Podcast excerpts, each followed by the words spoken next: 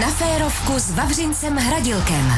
Dobré čtvrteční dopoledne a já vás vítám u poslechu dnešního rozhovoru s mým hostem v pořadu na Férovku. Tím hostem bude dnes velmi sympatická žena, která je tu se mnou ve studiu.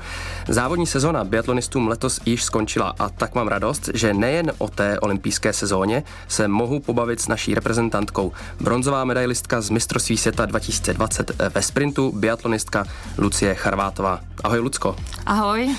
Tak eh, vy máte po sezóně, teďka čerstvě, tak eh, jak eh, tenhle čas ty prožíváš? No, pro mě začíná takový smutnější období, protože já jsem milovník zimy a kdybych mohla, tak já bych asi lyžovala celý rok, takže jsem docela zklamaná, že už zima končí. No, počkej, tak ty bys lyžovala celý rok a, a lyžovala bys eh, jako v těch závodních stopách eh, a na střelnici? Nebo... ne, tak to samozřejmě nejde celý rok, i ta příprava k tomu patří, i ta letní příprava k tomu patří, ale teď na jaře mám ráda, když svítí to sluníčko, na horách si můžu pochodit na skelpech nebo vyrazím na sjezdovky. Já jsem vyrůstala ve Špindlu, takže jsem se opravdu s lyžema na nohou narodila a vždycky mě to do těch hor táhne. Ta eh, sezona pro tebe byla asi zvláštní, hlavně v tom, že jsi byla na olympiádě. Co celková tahle sezona v tvé kariéře pro tebe znamenala? Tak já bych asi vyzdvihla hlavně tu olympiádu, protože jsem na ní nikdy nebyla a už přece jenom patřím k těm starším závodníkům.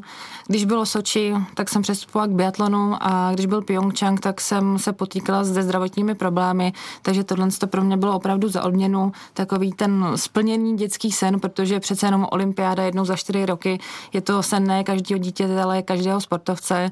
Jde o to se tam podívat a o to víc mě těší, že vlastně nejlepší výsledky letošní sezóny jsem měla nebo pozbírala nebo získala právě na olympiádě.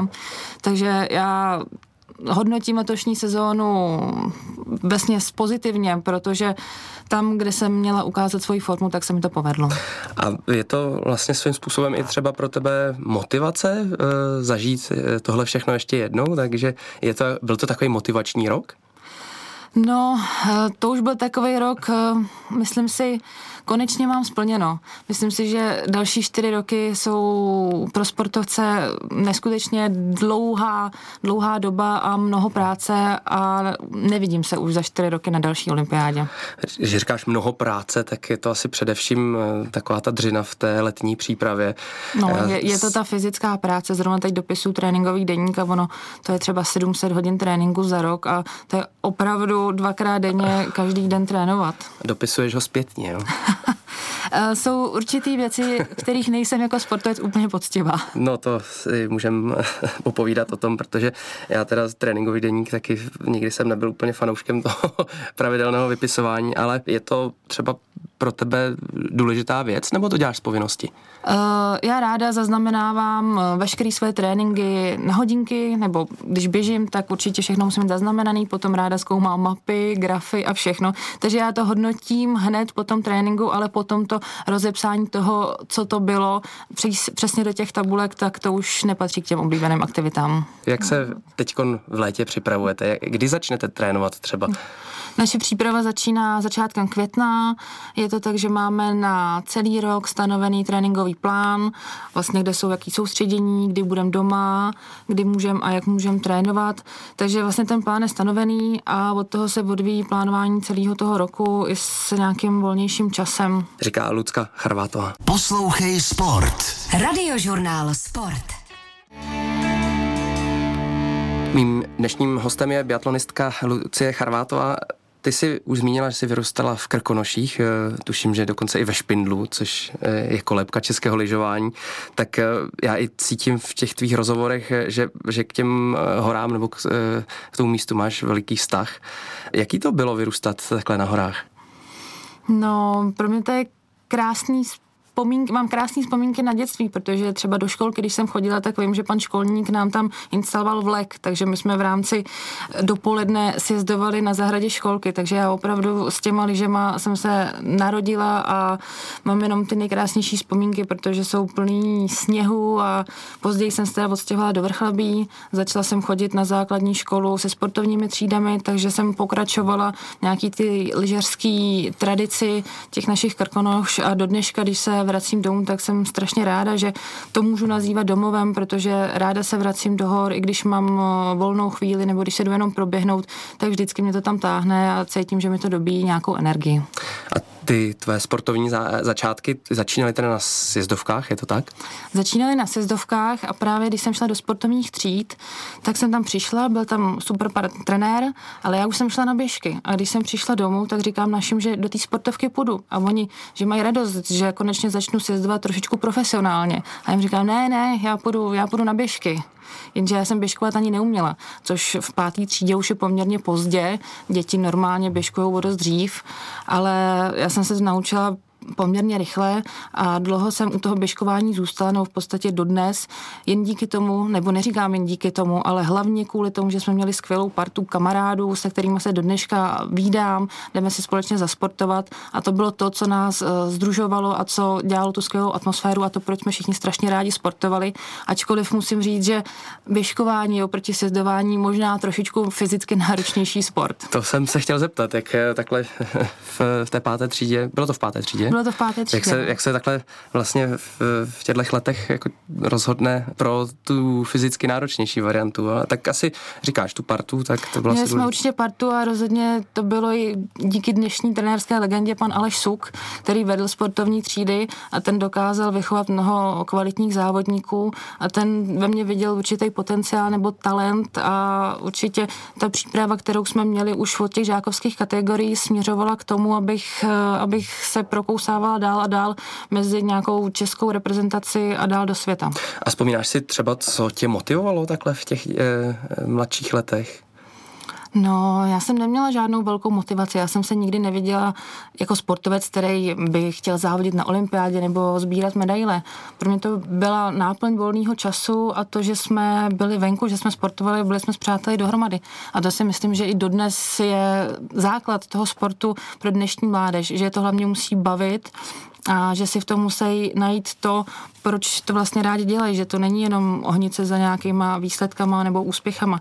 Ty jsou potom odměnou, ty přijdou kolikrát sami, když je člověk nečeká. Jakožto reprezentantka určitě často naštěvuješ třeba základní školy nebo, nebo vidíš aspoň i, i třeba doma, jak, jaká je situace, tak mm, vidíš eh, v současnosti děti, které to mají stejně? Je to, je, funguje to pořád? No, nejsem o tom úplně přesvědčená. Zdá se mi, že trošku vymizela takové její chtíč nebo iniciativa rodičů.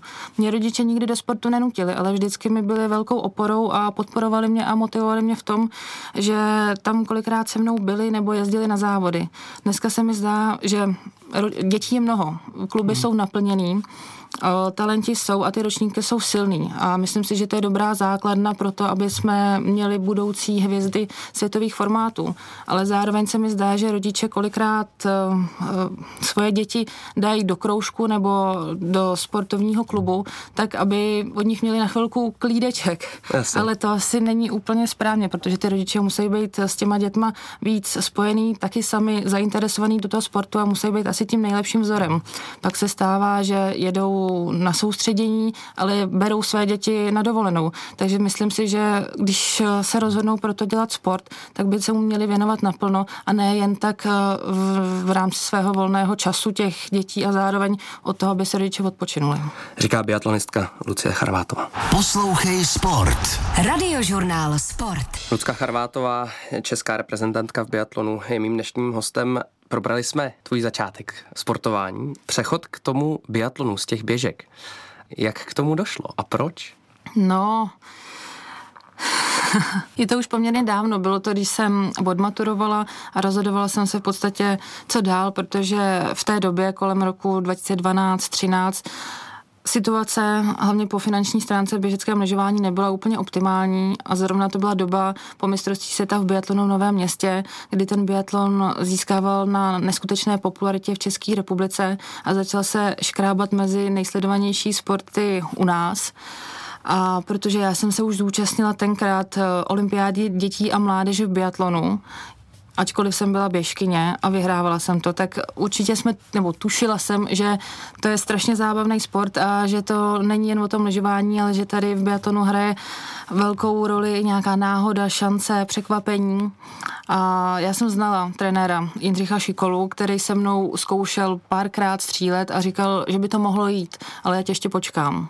Takže já jsem právě, když jsem přestupovala do té seniorské kategorie v běžeckém lyžování, se rozhodla, že otevřu novou výzvu nebo že přijmu novou výzvu a zkusím biatlon. Takže jsme párkrát byli střílet v Jílevnici, tam je taková stará střelnice za Kravínem, terče padací na provázek. On říkal, jo, to půjde, tak pojď, půjdeme to zkusit. Takže od sezóny 2013-14 jsem se stala biatlonistkou a ten můj zestup byl poměrně rychlý, protože už jako třetí závody té sezóny jsem startovala na světovém poháru, takže eh, vypadalo to, že to půjde velmi jednoduše a ta cesta nahoru bude velmi snadná. Ono samozřejmě člověk, když nemá očekávání, tak jde, všechno jde lépe, takže ten vzlet můj byl poměrně eh, pěkný a překvapivý a až potom jsem se kolikrát začala střelecky trápit. No.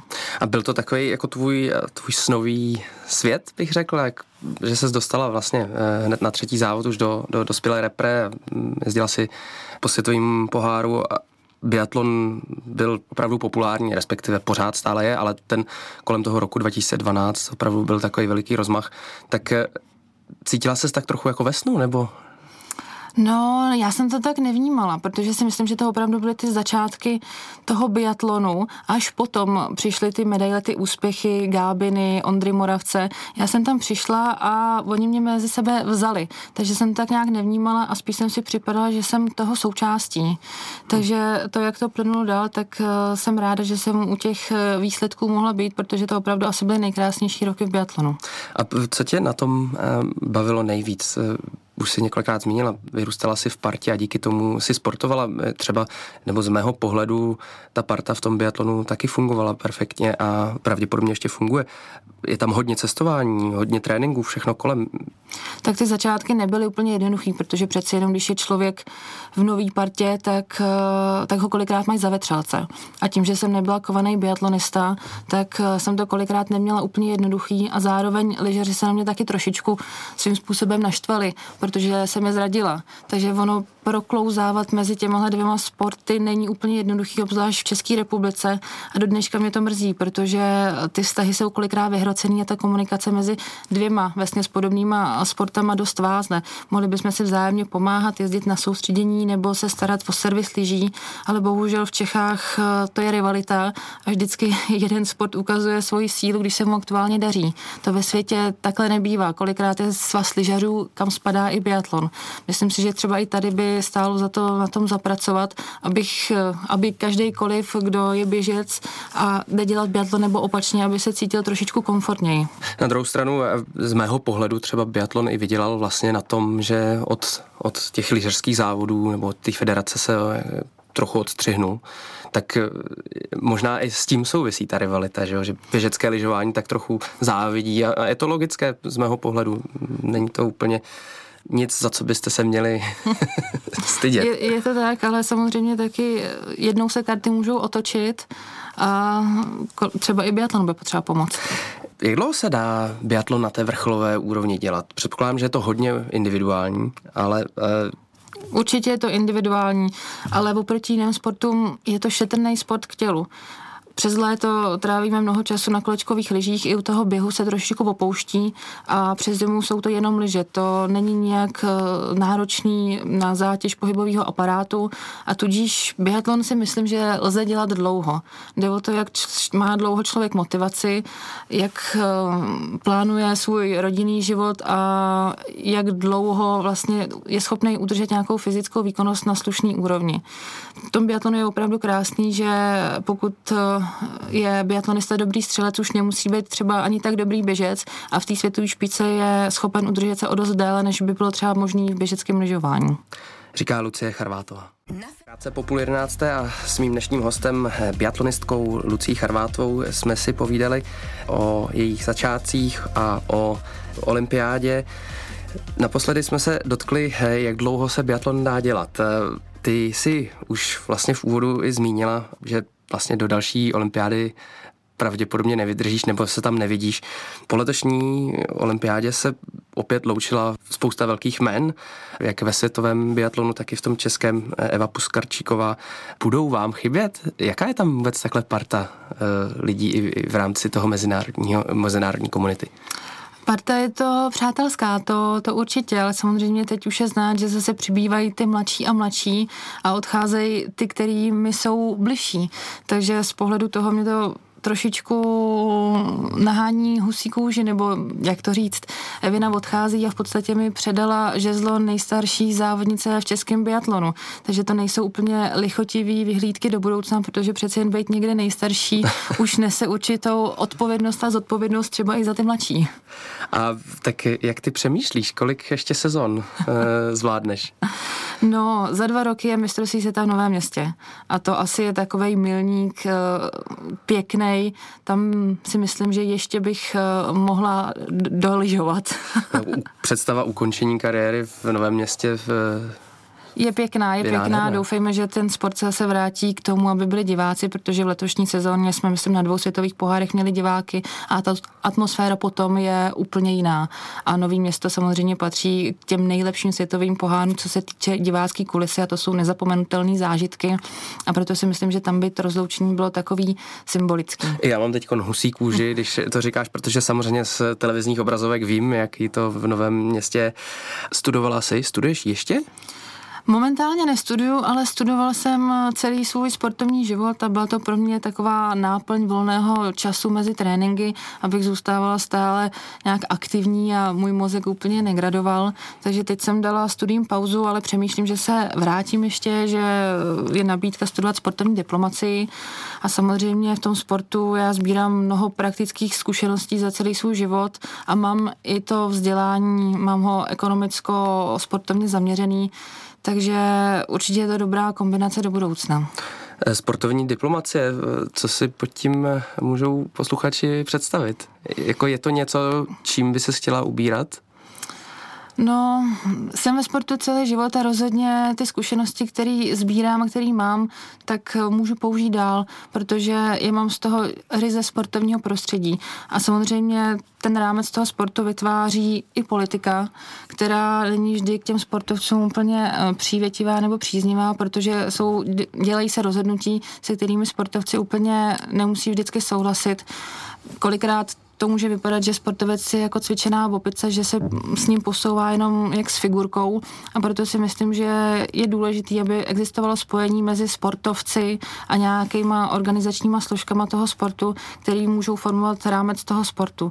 Takže neříkám, že se v vidím takhle daleko, ale určitě k tomu mám blízko, protože myslím, že nějaký přínos nebo nějaký myšlenky, co zlepšit a jak by se i sportovci mohli cítit lépe, tak ty bych měla. Jak funguje eh, biatlonová federace v rámci komunikace a vůbec naslouchání těm hmm. sportovcům?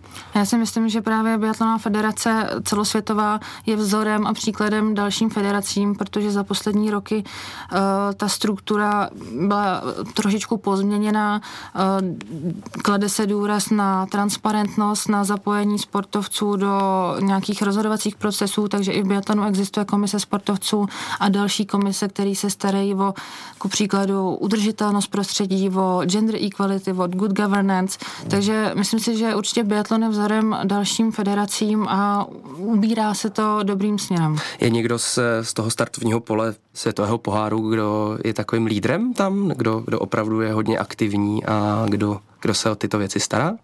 Určitě jak nejaktivnější američanka Claire Egan, která teda momentálně ukončila kariéru, ale bude dál aktivně vytvářet to sportovně přátelský prostředí pro nás a dalším z aktivních členů je kolikrát Sebastian Samuelson ze Švédska. Lucko, ty se letos eh, také stala členkou Komise sportovců Evropského olympijského výboru. Jak ses k tomu dostala a co to vůbec obnáší?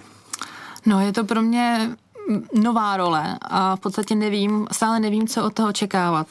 Bylo to na podzim, kdy jsem dokončila své studia a říkala jsem si, že bych měla být dál aktivní abych nějak ten svůj volný čas trošičku smysluplně využila a proto jsem se rozhodla, že budu kandidovat do Evropského olympijského výboru nebo do komise sportovců.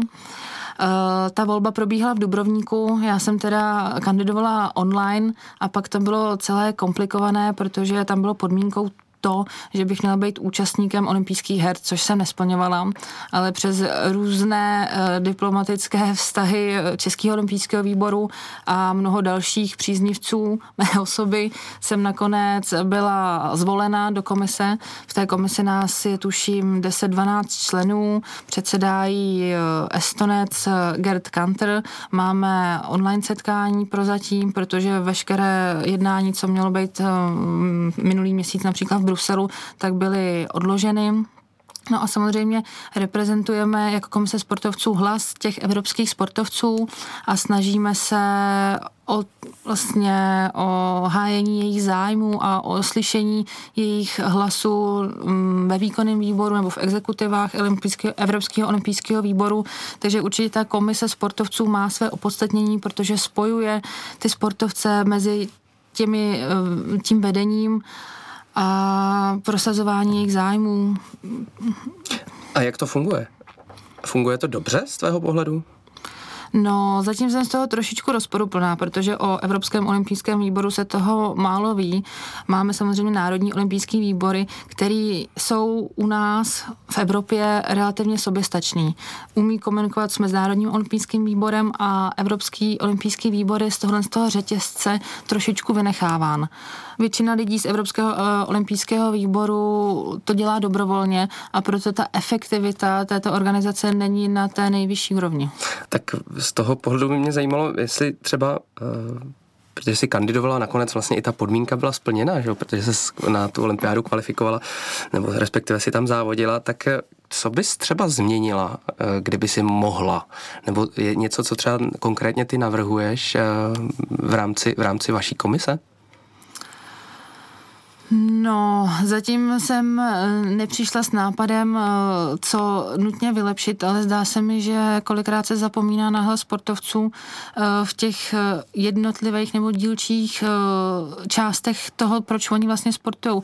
Jedná se třeba o formát sportovních soutěží nebo o podmínky přímo na těch soutěžích, že v dnešní době je moderní řešit eh, různá témata spojená se sportem, například eh, gender equality, safeguarding, eh, udržitelnost, ale to je od těch sportovců strašně vzdálený. Já bych byla ráda, kdybych mohla pomáhat těm sportovcům v tom, aby ten jejich výkon mohli podávat v, tom, v těch nejlepších možných podmínkách, aby právě je uznávali jako sportovce a brali je úplně rovnoceně. Nejenom, že oni jsou tou výkonnou složkou a oni dělají tu show.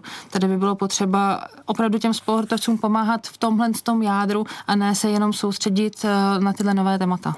Ty jsi měla teď možnost být na olympijském festivalu Evropské mládeže. Co jsi tam dělala? Co byla tvá mise? Má mise byla, já jsem totiž zároveň členem eh, komise pro vzdělání a kulturu a tato komise tam měla svůj program, která vytvářela doprovodný program pro mladé sportovce. Skládalo se to z různých, eh, řekněme, her, aktivit, které měly vzdělávací charakter a to si myslím, že je velmi důležité, aby i mládež uh, si uvědomovala, že není jenom sport, že jednou přijde život po sportu, nikdo neví, jak dlouho bude trvat a že je důležitý umět se uplatnit i v naprosto normálním životě. Takže edukovat uh, mládež, uh, to byl... Ten cíl toho, nebo to, no, nebo to, to poslání. No, vlastně komise nebo celý ten program se staral o to, aby vzdělával mladé sportovce i v nějakém duchu olympionismu, aby jim představoval olympijské hodnoty, olympijskou chartu. A jaká byla zpětná vazba od těch mladých sportovců? Uh, účastnili se, protože kolikrát je ve sportu zmiňováno, že sport je také o přátelství a že je možné navázat mezinárodní vztahy a dlouhodobé přátelství na celý život. To zmiňoval už Pierre de Coubertin, takže si myslím, že tohle poslání bylo splněno a ty sportovci si užili olympiádu nejenom uh, ze sportovního hlediska, ale že jim byl umožněn prostor pro to, aby se jak bavili, tak vzdělávali. Lucko, Český biatlon má po eh, dalším olympijském cyklu. Ten cyklus asi eh, nebyl třeba tak úspěšný jako ty předchozí, eh, na které jsme byli všichni zvyklí. Už máš nějaký indicie, anebo víš o tom, jestli přijdou změny, jak v realizačním týmu, v nějakém systému, nebo třeba i v servisním, protože liže a servis byly poměrně velké téma i v médiích.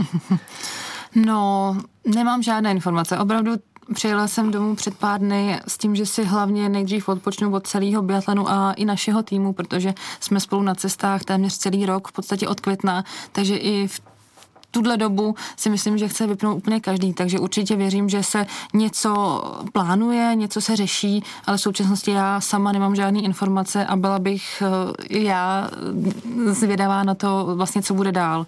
Jediný, co si myslím, že s námi zůstane dál náš norský trenér Egil Geland, za což jsem moc ráda a dál se nechám překvapit. Hodně se diskutoval a v jiných týmech je eh, poměrně častý jev, že své týmy mají specializovaného trenéra na střelbu, tak eh, jak je to u nás v Čechách? U nás v Čechách se momentálně začalo pracovat velmi kvalitně s mládeží, která má už dnes dobré střelecké návyky.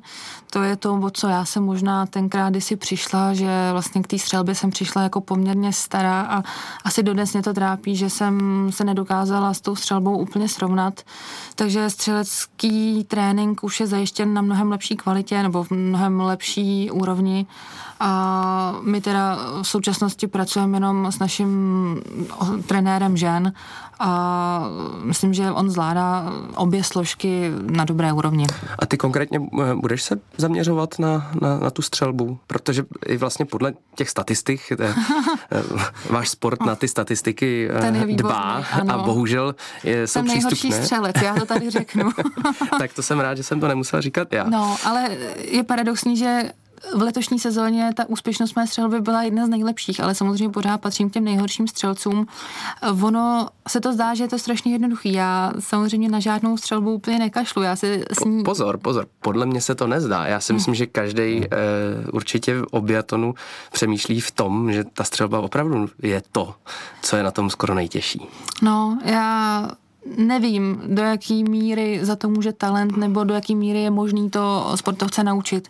Každopádně já se o to snažím, každý léto to trénuju, co můžu, protože vím, že to je ta moje achilová pata, že stabilně mám dobrý běh nebo běžecký projev na lyžích, ale ta střelba mě brzdí v jakýchkoliv dobrých umístění, takže samotnou mě to mrzí a dělám pro to, co můžu, ale zatím se to neukázalo. A máš třeba přehled o tom, jestli se ti střílí líp v tréninku nebo pak Eh, třeba ta achilová pata ve vstane, když eh, přijedeš na střelnici při ostrém závodě?